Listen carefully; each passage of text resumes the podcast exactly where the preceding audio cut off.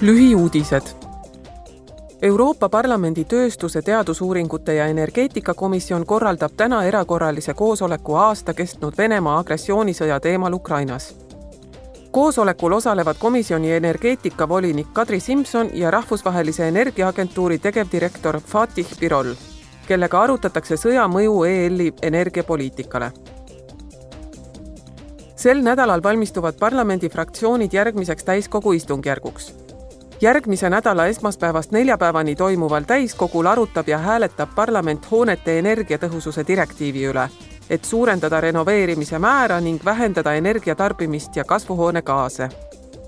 parlament hääletab ka kavaga Eesmärk viiskümmend viis seotud seadusettepanekuid, millega kehtestatakse rangemad eeskirjad liikmesriikide kasvuhoonegaaside heitkogustele ja parandatakse looduslikke süsinikusidujaid, et muuta EL kahe tuhande viiekümnendaks aastaks esimeseks kliimaneutraalseks maailma jaoks.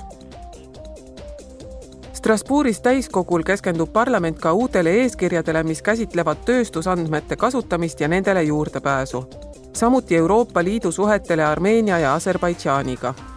lisaks sellele arutatakse, kuidas tagada energiajulgeolek EL-is kahe tuhande kahekümne kolmandal aastal peetakse aruteluring See on Euroopa Leedu presidendi Gitanas Nausedaga ja tähistatakse rahvusvahelist naistepäeva